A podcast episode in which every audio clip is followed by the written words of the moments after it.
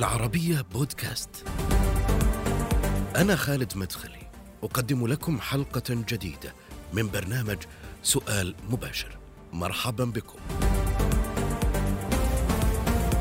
هو أقدم رئيس تحرير في السعودية حاليا تخرج على يده صحفيون صاروا رؤساء تحرير لصحف عدة كلهم كانوا من خريجي مدرسته المهنية ولم لا؟ فهو المرقب برئيس رؤساء التحرير السعوديين وصفه الملك عبد الله بن عبد العزيز رحمه الله بأنه ولي عهد الصحافة. الأستاذ خالد المالك رئيس تحرير صحيفة الجزيرة في سؤال مباشر. مساك الله بالخير أستاذ خالد. سعيد بتواجدك معي في هذه الحلقة من البرنامج سؤال مباشر. شكرا أستاذ خالد آه، على دعوتكم الكريمة. وأنا بين اليدين كما تقول. طول اللي في عمرك. أه ودك أقول يعني أو نبدأ بكم عدد السنين اللي أنت استغرقتها في العمل الصحفي ولا نخليها يعني مغطاة يعني؟ والله طال عمرك آه، يعني من الصعب اخفائها لأنها مؤرخة موجودة من خلال الصحف الورقية اللي طبعا آه، تؤرخ لبدايات كل صحفي أو إعلامي. وبالتالي أنا أستطيع أقول إني بدأت العمل الصحفي منذ قرابة حوالي 60 عاما. ما شاء الله. خلال 60 سنة في العمل الصحفي الورقي بشار صحيح؟ نعم الصحفي الورقي لأنه لا نزال إحنا في هذه المعمعة. بعد ستين سنة. وأضيف إلى هذا أنني عملت آه، رئيس تحرير في كل عهود ملوك المملكة العربية السعودية ما عدا الملك عبد العزيز رحمهم الله. بالنسبة للملك سعود كنت صحفيا ولم أكن رئيس تحرير. أيضا عملت مع كل وزراء الإعلام في تاريخ المملكة فيما عدا آه، المرحوم عبد الله بالخير الذي كان وزير دولة للشؤون الإعلامية. بعد ستين سنة في العمل في الصحافة الورقية أبو بشار هل بقي شيء اليوم اسمه صحافة ورقية أو صحافة مكتوبة؟ آه، أعتقد أنه آه، من المبكر أن نطلق رصاصة الرحمة على الصحافة الورقية الآن. الصحافة الورقية موجودة في كل دول العالم ولم تتوقف توقف بعضها لكن لا تزال موجودة. أنا أعتقد أن الصحافة الورقية آه، في هذه الوقت نحتاج إلى بقائها إلى جانب آه، الصحافة الرقمية.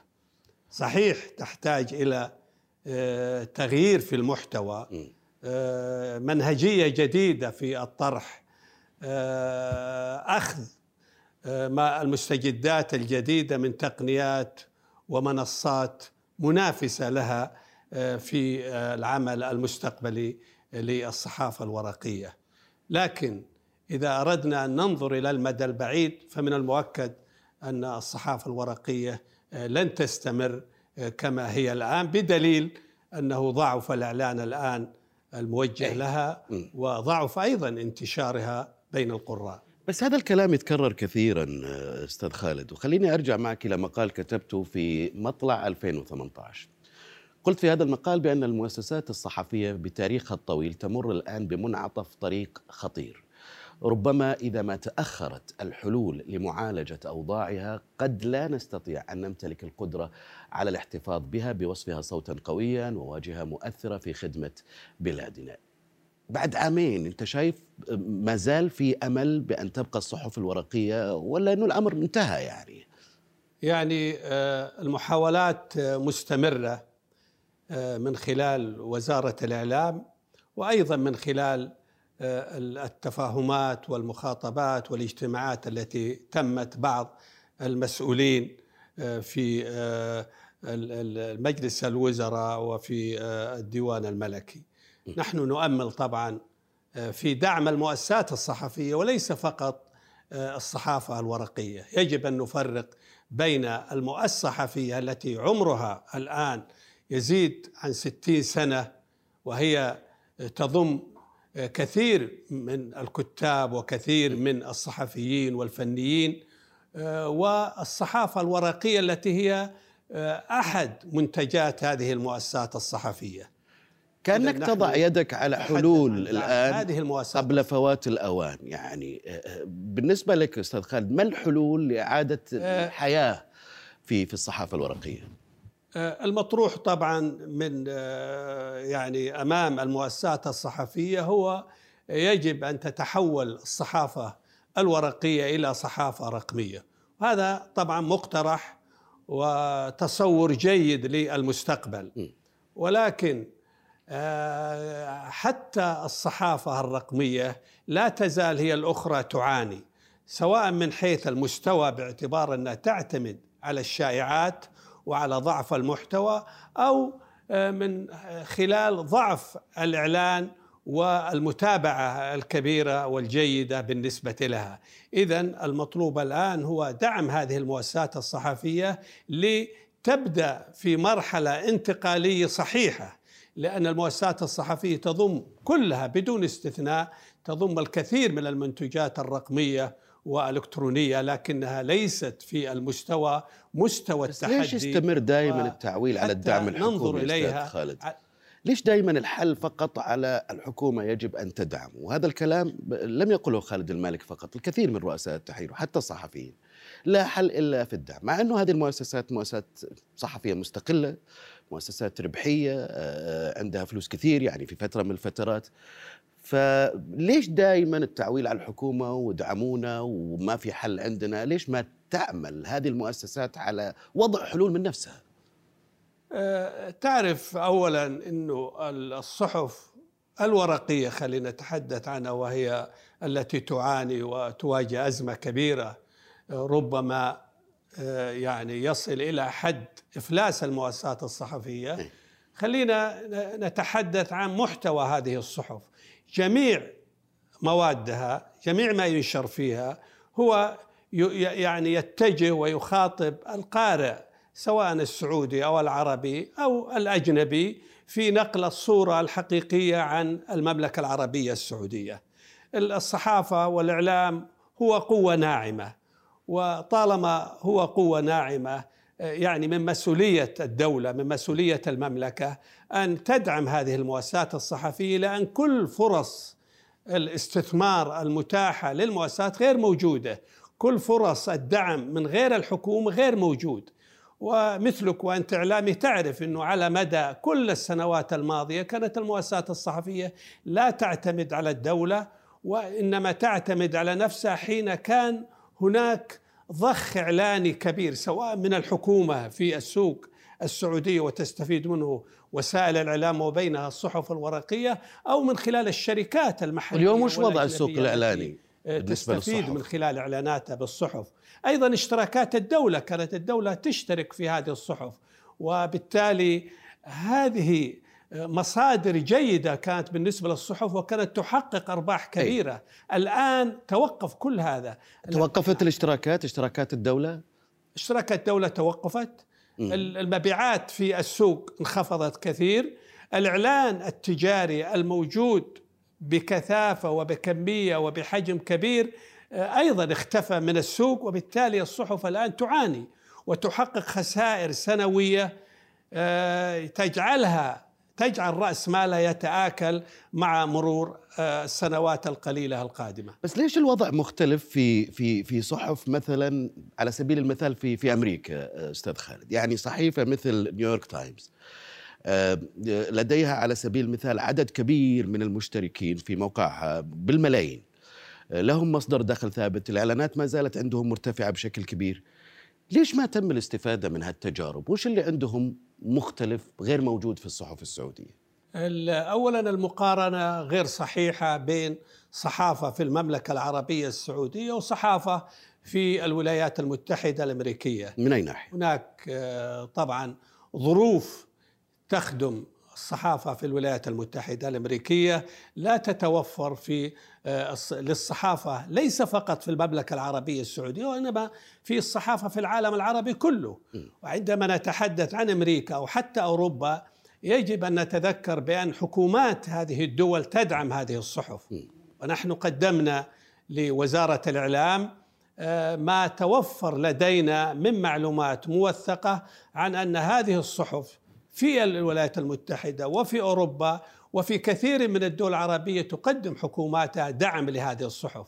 فعملية الاستثناء بالنسبة للصحف السعودية أعتقد إنه آه، يعني يجب أن يعاد النظر فيه لأننا هنا في المملكة العربية السعودية نحتاج إلى كل وسائل الإعلام من أجل أن, أن نواجه هذه الحملة الشرسة وهذا الاعتداء الغاشم إعلاميا على المملكة العربية السعودية وعلى هذه الأكاذيب التي تقدمها هذه الوسائل سواء العربية أو الأجنبية ضد الواقع الصحيح في المملكة. ودي أسألك كم تبون اليوم؟ كم تتوقع الدعم الحكومي اللي يكفي جريدة زي الجزيرة أن تبقى ويعاد فيها الروح؟ والنبض أيضا وخاصة بعد تأثير جائحة كورونا اللي أكيد تضررت منه الصحف آه، الورقية بشكل عام في العالم. يعني آه، خلينا نتفق على المبدأ مبدأ دعم الصحف آه، أو المؤسسات الصحفية إذا اتفقنا وفي استجابة وفي تناغم مع هذه الرغبة يصبح العملية لابد أن يوجد أشخاص متمكنين من جانب وزارة الإعلام من جهة والمؤسسات الصحفية من جهة أخرى لتلمس الاحتياجات الفعلية دون مبالغة لتقديم عمل آه، تقني صحفي جديد.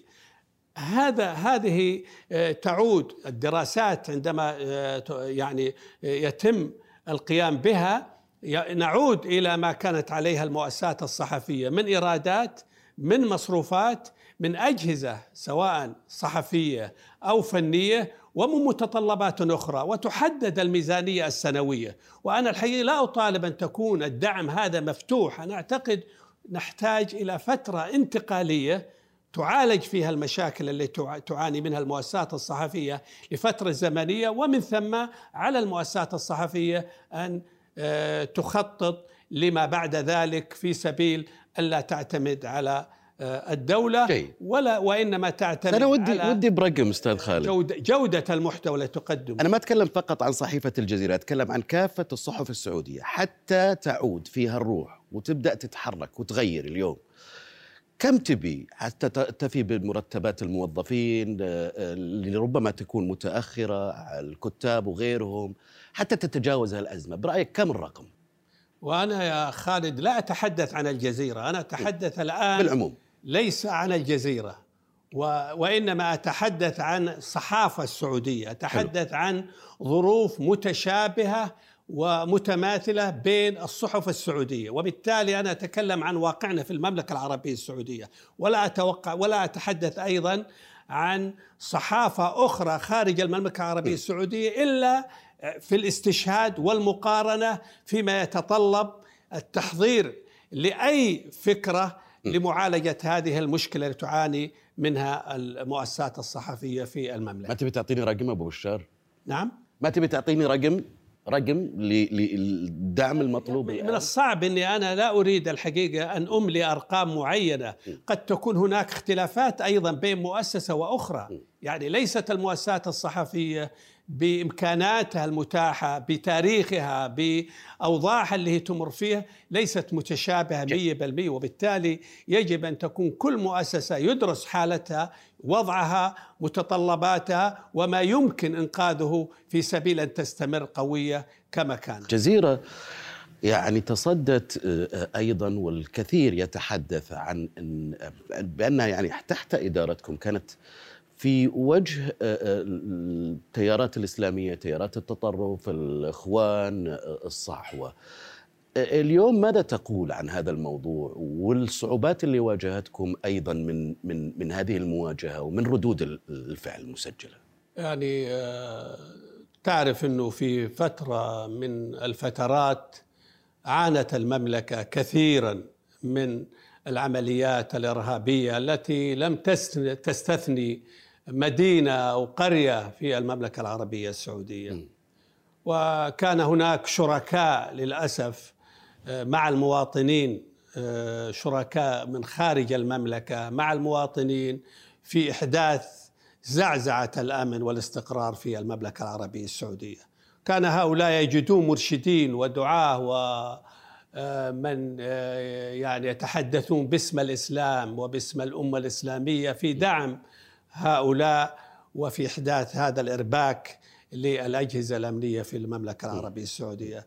خلال هذه الفترة طبعا عانت المملكة الكثير في التفجيرات وفي قتل بعض الأبرياء وفي أعمال يعني كثيرة جدا أساءت الواقع إلى يعني كثير من الصور الجميلة التي كانت تتمتع بها المملكة. لكن الأجهزة الأمنية في المملكة كانت على مستوى التحدي واستطاعت أن تنظف هذا البلاد من كل هذه العناصر وتقضي عليها تماما وتعود المملكة آمنة ومستقرة وأيضا أن تضع حدا لهؤلاء المروجين والمثيرين لهذا الشغب من قبل الإخوان المسلمين وغيرهم. الصحافة الحقيقة ككل وليست الجزيرة. كانت ذراع من الاذرعه أذرعة الدولة في مواجهة هذا التحدي وفي العمل الكبير في سبيل القضاء عليه. والحمد لله الآن المملكة يمكن تعتبر إن لم تكن بين أفضل دول العالم فهي أفضلهم في استتاب الأمن والاستقرار والتحول الذي قاده الملك سلمان والأمير محمد بالنسبة للترفيه واعطاء المرأة حقوقها وكلها وإحداث يعني نقلة نوعية مما كان يحاربه هؤلاء ويستخدمونه ضمن أجندتهم في التأثير على بعض الشباب. جيد خليني أرجع معك إلى موضوع طبعا كانت. هناك مقالات أي. كانت هناك لقاءات كانت هناك أيضا دراسات وندوات تعقدها الصحف السعودية وقدمت الحقيقة أعمال جليلة وهذا واجبها وهذا وهذه مسؤوليتها. ولكن كان ضمن هذا العمل ما في شك إنه كان واجهوا الكثير من الكتاب والمفكرين والمثقفين واجهوا الكثير من المعاناة من هؤلاء.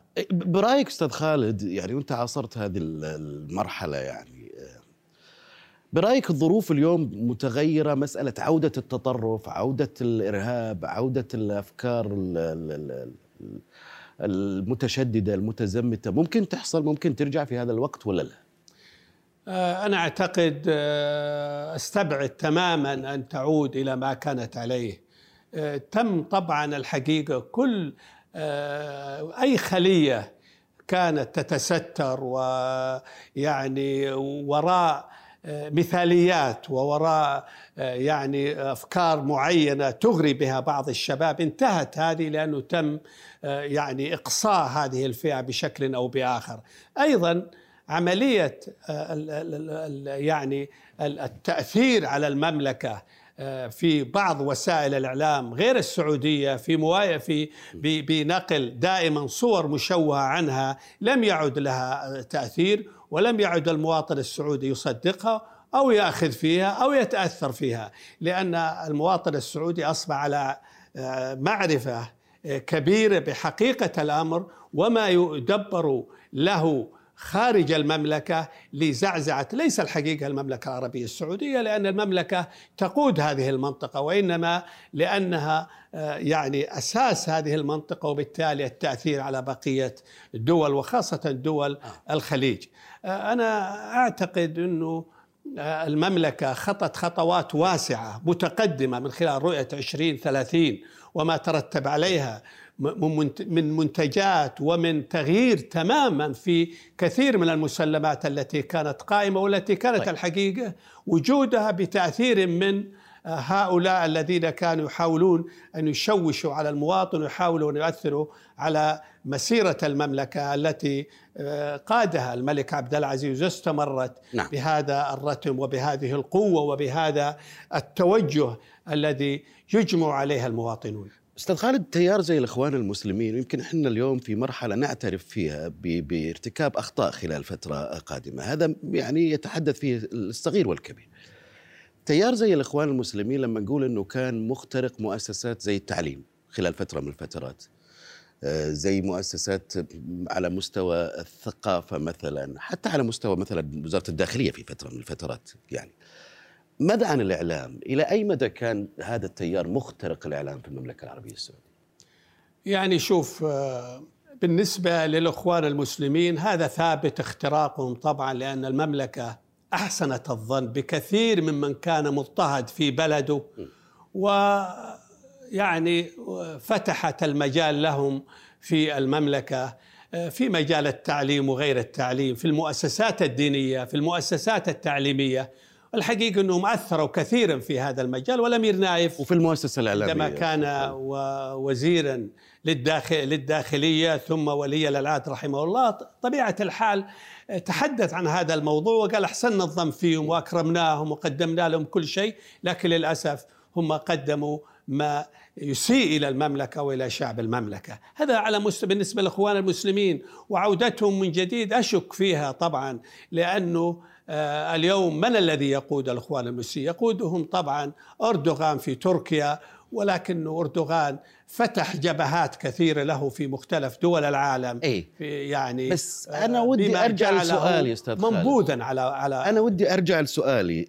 الاختراق هل كان حاصل في المؤسسة الإعلامية السعودية هل كنت تشعر بهذا الاختراق من قبل الاخوان المسلمين؟ أجي لك طال عمرك، بالنسبة للمؤسسه الإعلامية طول العمر بعد آه، يعني كانت في فترة من الفترات قبل قيام المؤسسات الصحفية اللي عمرها قريب من 60 سنة كان كان هناك كثير من العرب يعملون في الصحافة السعودية ولم يكن هناك صحفيين بهذا العدد وبهذه القوة وبهذه الإمكانات الهائلة اللي موجودة الآن ما في شك إنه كان لهم تأثير وفي فترة من الفترات انسحبوا آه، في ظل خلاف مع مثلا على سبيل المثال وليس الحصر مثل خلاف بين آه، مع جمال عبد الناصر في آه، في في وقت اقتحامه لليمن بجيشه الكبير كان هناك خلافات وبالتالي أضربوا الصحفيين بتأثير طبعا من الحكومة آنذاك. لذلك كان الاختراق موجود. ولكن الآن تغير كل شيء. أصبح الوسائل الإعلام السعودية تعتمد على العنصر السعودي ليس فقط في المراكز القيادية وإنما أيضا حتى في الصفوف طيب. آه، الأخرى آه، في العالم أنا تبقت عندي خمس دقائق وعندي مجموعة كبيرة من الأسئلة. يا ليت أبو بشار نحاول نختصر قدر الأمكان في هذه الإجابات ونأخذ أكبر كم من الأسئلة. أبرجع الموضوع المؤسسات الصحفية والصحف الورقية والأزمة اللي تعيشها وموضوع الدعم الحكومي. هناك من يرى بأن هذا الدعم الحكومي واستمراره هو السبب في عدم تقدم أو تغيير أو تطوير واقع الصحافة السعودية بالشكل المطلوب اليوم. أنه هل الدعم الحكومي يعني يجعل هذه الصحف تعتمد فقط عليه وتتكاسل وبالتالي تنتظر سنويا هذا هذا الدعم وتمشي أو تدور في دائرة مفرغة يعني ولا في أي تطوير يحصل؟ بشكل سريع كيف ترد على الموضوع؟ يعني أصلا ما كان في هناك دعم يعني من الحكومة للمؤسسات الصحفية حتى نقول إنه طال عمرك تكراره يخلي يخدر هذه العاملين وملاك هذه المؤسسات الصحفية. إحنا نقول الآن في هذه الظرف الصعب اللي تمر فيها المؤسسات الصحفية هو فقط اللي نحتاج فيه إلى الدعم، لكن لم يكن هناك قبل ذلك أي دعم، كانت المؤسسات الصحفية تعتمد على مدخولاتها الذاتية من إعلانات ومبيعات واشتراكات، هذا كان العمل. جيد. فيما يتعلق ب بهيئة الصحفيين السعوديين ما الذي قدمته لهذه الهيئة؟ أستاذ خالد وأنت يعني عضو مؤسس كذلك كبير في هذه الهيئة على مدى السنوات الماضية. يعني هيئة الصحفيين كما تعرف آه، إمكانياتها محدودة لأنها تعتمد في ايراداتها كلها على اشتراك الصحفيين والصحفيين للأسف الكثير منهم لديه عزوف عن الاشتراك في أو الانتماء لهذه المؤسسات الصحفية. اي وش بتقدم لي؟ ليش أنا مثلا إلى أكثر مما تقدمه المؤسسات الصحفيه؟ أنا كصحفي سعودي إيش ممكن تقدم لي هذه نعم. الهيئة أستاذ خالد؟ وش الفائدة اللي تخليني مثلا بروح أشترك وأقدم لا هي بدفع رسوم؟ هي المؤسسات هي هي تقدم لك الحماية طال عمرك موجودة لدينا آه، مجموعة من القانونيين اللي يدافعون عن أي خطأ يرتكبه الصحفي في سبيل إنقاذه من من أي مشكلة. تقدم لك أيضا إتاحة الفرصة لحضور الكثير من الفعاليات و المؤتمرات اللي تتيحها آه، من حين لآخر. الآن هيئة الصحفيين تتيح لك أيضا الحصول على جوائز من خلال المنتدى المنتدى الإعلامي اللي بدأ من العام الماضي. هي تتيح لك أيضا ترشيحك لكثير من الدعوات التي تصل الهيئة في دورات وغيرها. لا هناك أعمال كثيرة تقوم فيها الهيئة لكن هل هي كل هذا هذا هو طموح هيئة الصحفيين أقول لك لا نتطلع إلى المزيد وإحنا إن شاء الله في أفكار كثيرة آه، يتم الآن التفاهم عليها لهناك نادي إن شاء الله طيب. حيتم بالنسبة لنادي الصح... للصحفيين إلى جانب المنتدى وهناك أعمال كثيرة جالسين نشتغل عليها. طيب في مقال لك قبل شهر في صحيفة الجزيرة قلت ليس أمام العرب من خيار آخر غير التطبيع وإقامة علاقات دبلوماسية كاملة مع إسرائيل. جربوا الحروب وخسروها جربوا معاداة إسرائيل ولم يكسبوا شيئا وحاولوا الصلح معها بشروطهم ففشلوا وانتهى بهم المطاف إلى محاولة تجربة ما لم تحققه الحروب بمحاولة تحقيقه عبر السلام. أنت مع التطبيع أبو بشار أنا مع التطبيع. هل لو كتب أحدهم اليوم مقال ضد التطبيع هل ممكن تنشره في صحيفة الجزيرة ولا لا؟ نعم ننشره لأنه هذا رأيه الشخصي وليس رأي الجريدة وحصل حصل نشرته مقال بهذا المضمون خلال الفترة الماضية؟ لا ما ما حصل، حصل نشرنا مواضيع تقدر تقول إنها فيها شيء من التوازن وليس لأنه لم يصلنا مقال يعني ضد التطبيع. آه. معنى بشكل مباشر. شكرا جزيلا لك والله يطول لنا في عمرك وشكرا لك على تواجدك معي وعلى ما قدمته أيضا في هذه الدقائق القليلة وأتمنى لك التوفيق دائما وطولة العمر يا أبو بشار. شكرا لك أستاذ خالد المالك رئيس تحرير صحيفة الجزيرة السعودية. شكرا لك. نهاية هذه الحلقة من سؤال مباشر. شكرا للمتابعة وإلى اللقاء.